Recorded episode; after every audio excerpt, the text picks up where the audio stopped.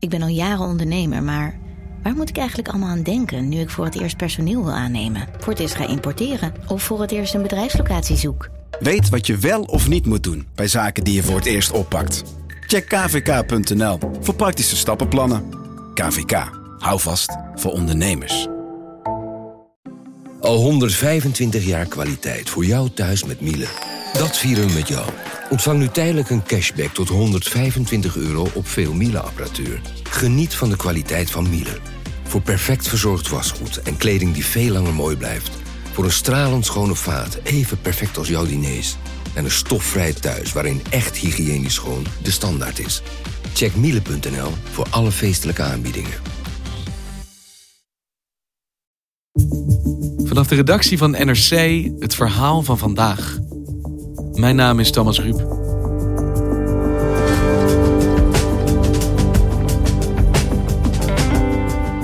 Terwijl boeren vandaag Den Haag het Binnenhof bestormen, wordt in Deventer een politieke partij opgericht. De Boer-Burgerbeweging. Het zijn verschillende strategieën, maar gedeelde zorgen. De boer in Nederland staat onder druk. Waar komt de woede onder agrarisch Nederland vandaan? En zitten zij wel te wachten op een eigen partij?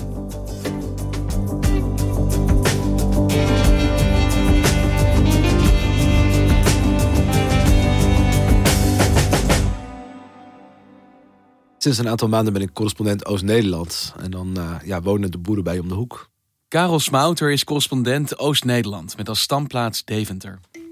Ik probeer mijn correspondentschap zoveel mogelijk op de fiets te doen. Ik heb geen eens een rijbewijs, dus uh, uh, dan moet je wel. Op de fiets zie je ook dingen die je anders misschien zou missen. het tempo is lager, je kijkt beter om je heen.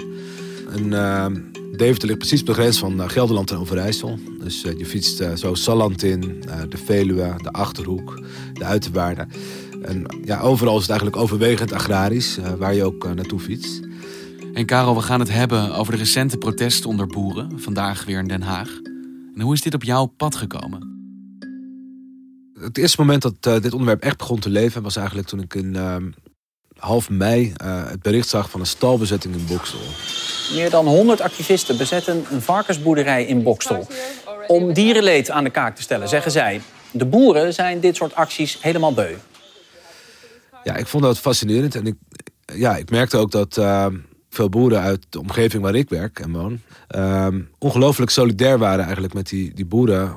Um, dus uh, wat je zag is uh, dat, uh, ja, dat mensen ook in hun gevoel van veiligheid waren aangetast. En, ik hoorde toen van een, een bron uit Almen, een mooi dorpje in de Achterhoek... van een boer, boer Freddy Zoetenhorst. En die heeft op de avond eigenlijk van die stalbezetting in Bokstel de politie gebeld. Met de boodschap dat hij het politiebureau zou gaan bezetten.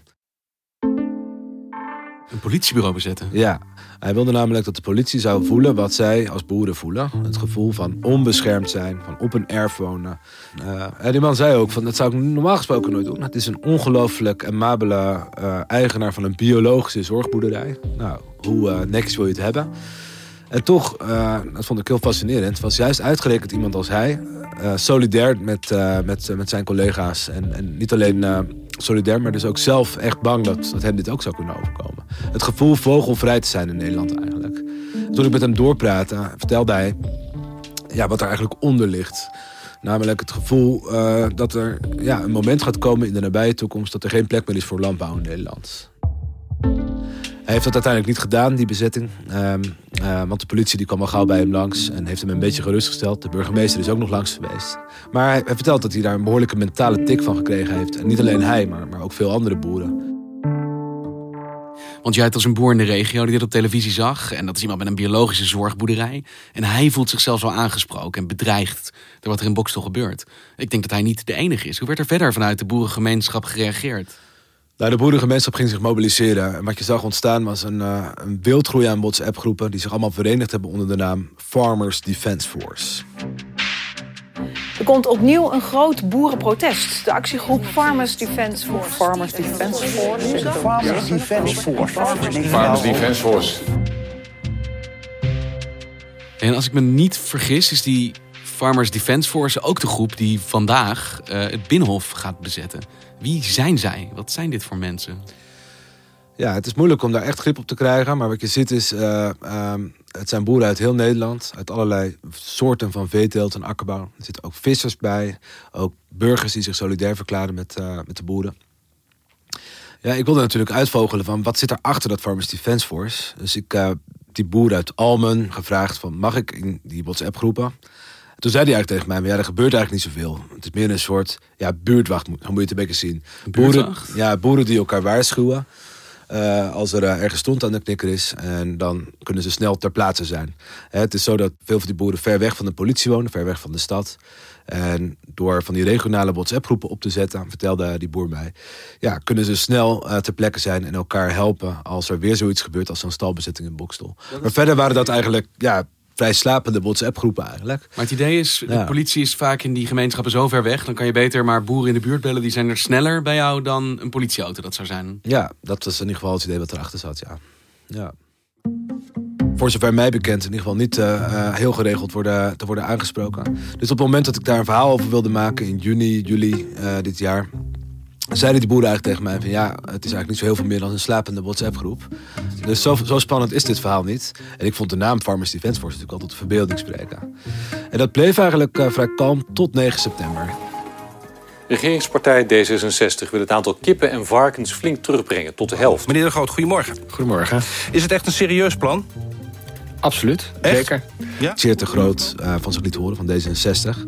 Hij kondigde aan van nou, er is een probleem met stikstof in Nederland. Wat we moeten doen is eh, de veestapel halveren. Want het is een Tweede Kamerlid dat eigenlijk hen direct bedreigt in hun bestaan. Ja, en dat heeft hun bangste vermoedens eigenlijk bevestigd. Hè? Eh, namelijk het vermoeden dat er voor hun geen toekomst is in Nederland.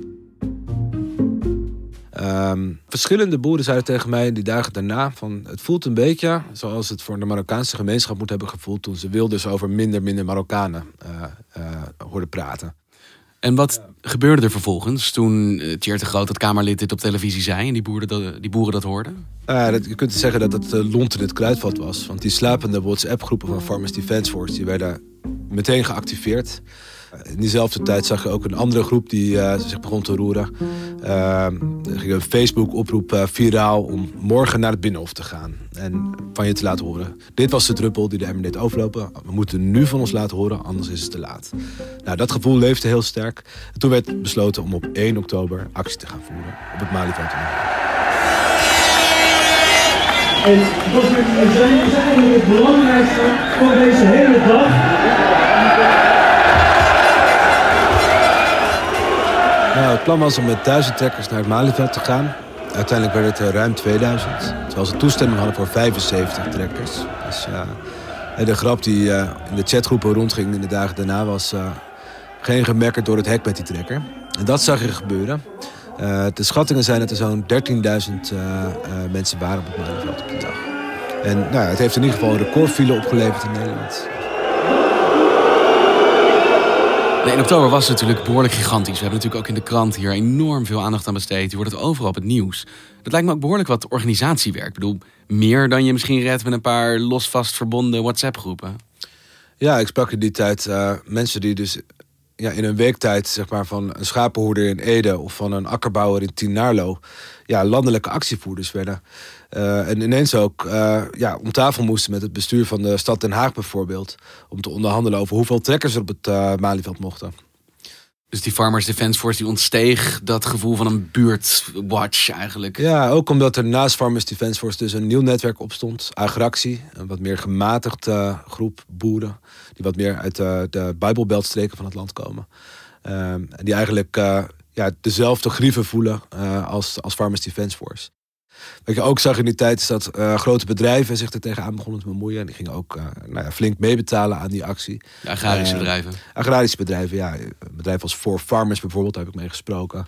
Dat is ja, echt een miljardenbedrijf dat wereldwijd veevoeder levert eigenlijk. En die zagen natuurlijk ook wel in dat het halveren van de veestapel grote gevolgen voor hun business zou hebben. Je hebt de Farmers Defence Force en je hebt Agractie. Zijn die met elkaar verbonden of zijn het eigenlijk bijna concurrerende facties die allebei voor toevallig dezelfde groep opkomen?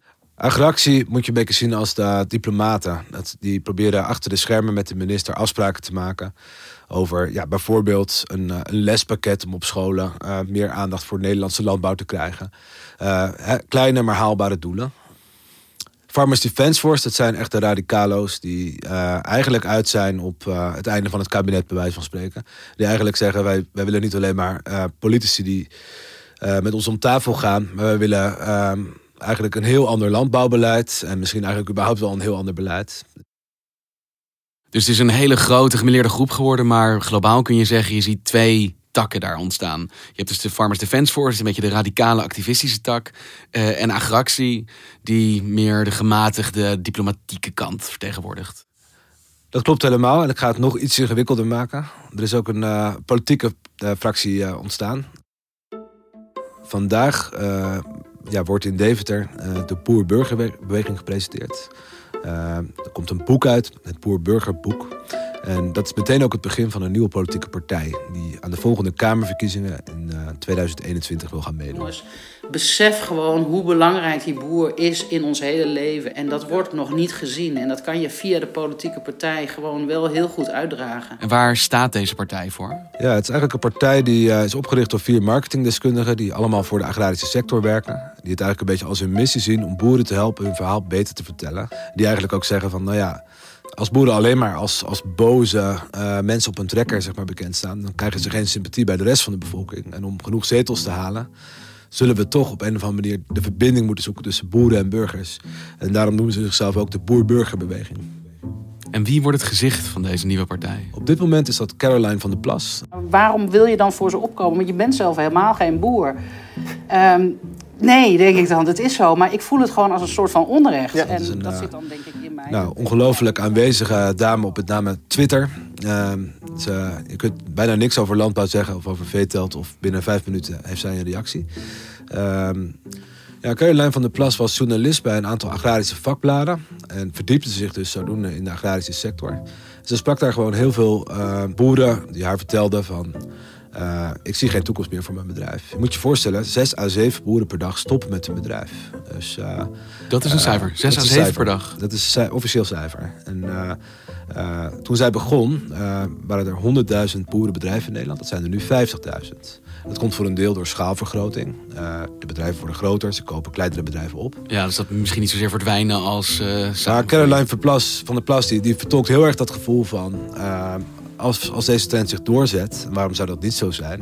dan is er straks geen landbouw meer in Nederland. En zij kwam dat tegen als journalist. Dat is nogal een stap verwijderd van zelf een politieke partij oprichten. Ja, ja ze heeft het een tijd lang in een soort dubbelrol als eh, communicatiepersoon, schuine journalist, dit op de agenda gezet. Stel dat ik de politiek inga, dan stop ik met al mijn activiteiten op communicatie en, en eh, journalistiek gebied. Dan ben ik politicus. Ik ga niet twee dingen naast elkaar doen. Eind augustus ehm, zat ze eh, in een eh, online tv-programma op de nieuwe oogst.nl in een talkshow. En toen vertelde ze per ongeluk, in een soort slip of de tong, dat ze bezig is met het opzetten van een politieke partij. Nou, het was komkommertijd toen nog en dat werd ineens nieuws. Dus eh, de kranten pikten het op en dat ging als een lopend vuurtje. Naartoe, hè, die willen we ook een stem geven. En uiteindelijk is het plan om in 2021 eh, mee te doen aan de Tweede Kamerverkiezingen. Toch? Waarom vindt zij of vinden zij het nodig om een boerenpartij op te richten? Ja. Weer een nieuwe partij, zullen mensen wel denken. Er zijn toch Ja. al partijen die toch voor hun belangen opkomen. Ik denk bijvoorbeeld aan het CDA.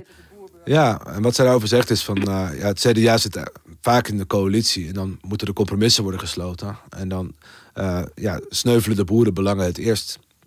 Dus eh, het is echt, de intenties zijn wel goed van die, van die partijen... maar het is voor hun altijd maar een deelbelang.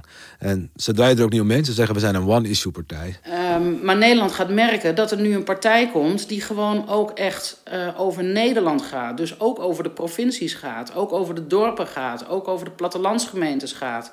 En ze vertelde me op een gegeven moment in de eerste ontmoeting die we samen hadden. eh, dat ze heel vaak eh, ja, naar de politiek zit te kijken. En dan achter haar tv eh, met haar handen tegen haar hoofd zit te bonken van... jongens, zeg het nou eens anders, weet je wel.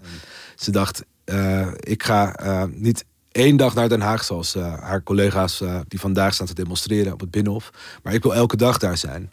En hè, wat ik heel erg bij haar bespeur is... nou, een soort bijna moederlijk gevoel van... ik ga opkomen voor de boeren, ja.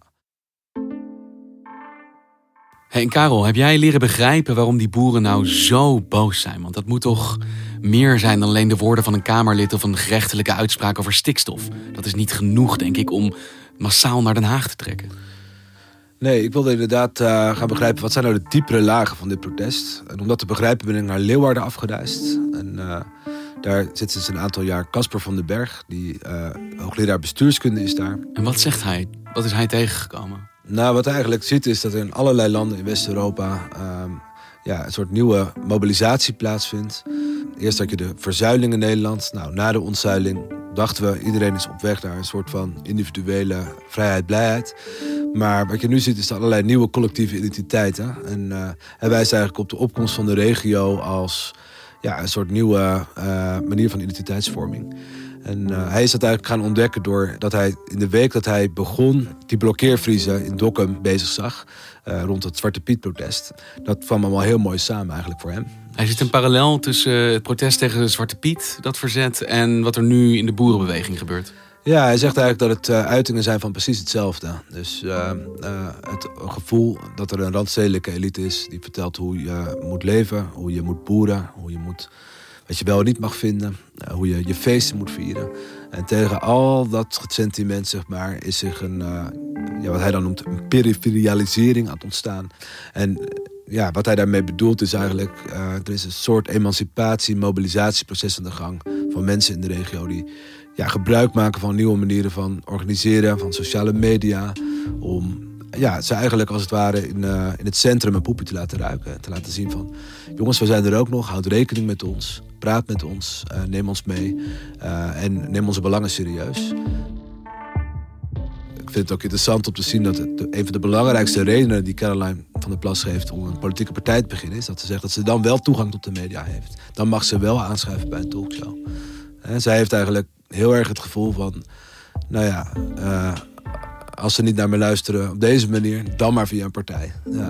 En is het dan zo dat die specifieke boerengrieven over stikstof, over de veestapel, eigenlijk meer een aanleiding waren uh, tot verzet? Want eigenlijk komt daar een veel breder gevoel van ongenoegen dan alleen de toekomst van het boerenbedrijf.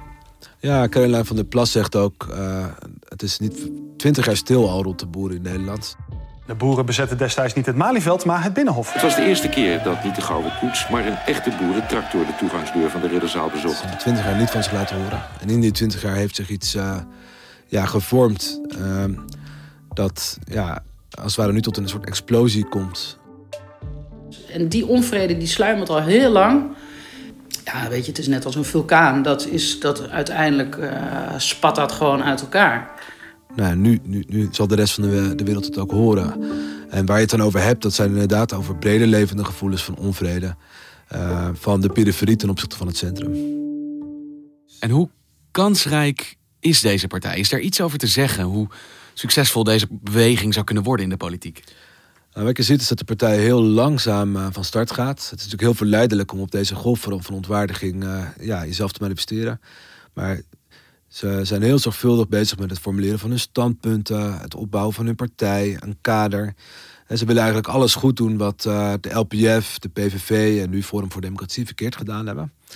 Um, en als het hun dat lukt, als het hun lukt om de boel bij elkaar te houden, dan zou je best kunnen voorstellen dat dat uh, zetels gaat opleveren. En wij zijn er eigenlijk vanaf het begin af aan overtuigd geweest: één à twee zetels moeten we kunnen halen. Ja, ik heb ook over dit onderwerp gepraat met uh, Jos de Voogd. Hij is electoraal geograaf. En hij laat na elke verkiezingsuitslag heel precies zien hoe Nederland gestemd heeft. Um, en ik vroeg hem van wat zijn de kansen van zo'n boer-burgerbeweging. En eigenlijk zegt hij van nou, als ze uh, het goed spelen, uh, kunnen ze best vijf, zes zetels halen. Vijf, zes zetels? Ja, net als Partij voor de Dieren. Een gigantische ja. potentie dus wel. Ja, ja. En waar hangt dat vanaf volgens hem? Nou, waar hij op wijst is bijvoorbeeld dat veel boeren de laatste verkiezingen gestemd hebben op Forum voor Democratie. Dat is eigenlijk best opmerkelijk. Als iemand een grachtgeworde figuur is, is het Thierry Baudet wel. Maar hij noemt dat eigenlijk parkeerstemmers. Dus die hebben als het ware hun stem geparkeerd bij een andere partij als waar ze normaal gesproken gestemd hebben. CDA, VVD, SGP, ChristenUnie, de vier partijen die veel boeren in hun achterban hebben. En als je eenmaal om bent, zegt Jos de Voogd eigenlijk, dan kun je zomaar nog een keer op een uh, uh, andere partij stemmen. En het boerenelectoraat is op drift, hoor je eigenlijk zeggen. Maar ja, boeren die nu op Forum voor Democratie stemmen en die gaan dus op een boerenpartij stemmen, is één ding. Maar om zo groot te worden heb je natuurlijk ook niet boeren nodig die nu van andere partijen op een boerenpartij gaan stemmen. Ja, en dan wijst Casper van den Berg uh, op de 3 miljoen mensen die in Nederland in krimpregio's wonen. En die allemaal voor dat verhaal van wij zijn uh, achtergesteld uh, en wij moeten van ons laten horen, best wel wat zouden kunnen voelen. Dus ik heb zelf voor een eerder verhaal voor NRC overstappers van SGP naar Forum voor Democratie gevolgd. Nou, dat is een heel onwaarschijnlijke overstap. Als er een electoraat is dat altijd bij dezelfde partij blijft... dan zijn het wel de mannenbroeders van de SCP. En zelfs in die kringen zie je ja, toch wel het gevoel ontstaan van... we moeten ons verbinden met anderen, zeg maar. En misschien samen een vuist maken. En nu uh, Forum voor Democratie ja, van het schandaal naar schandaal ziet hobbelen eigenlijk... is het best wel denkbaar dat dit uh, voor deze groep een, een, aantrekkelijk alternatief is. Maar het is nog best een tijd tussen nu en maart 2021. Dus het wordt interessant om te volgen waar Caroline van der Plas met haar beweging uiteindelijk gaat stranden. Dankjewel, Karel.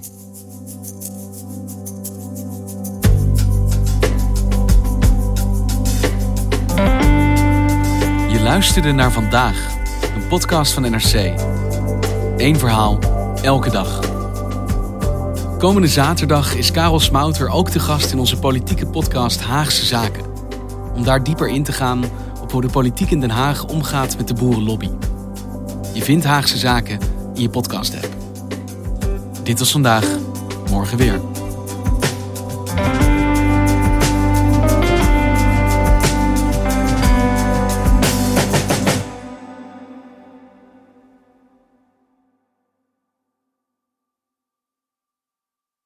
Technologie lijkt tegenwoordig het antwoord op iedere uitdaging. Bij PwC zien we dit anders.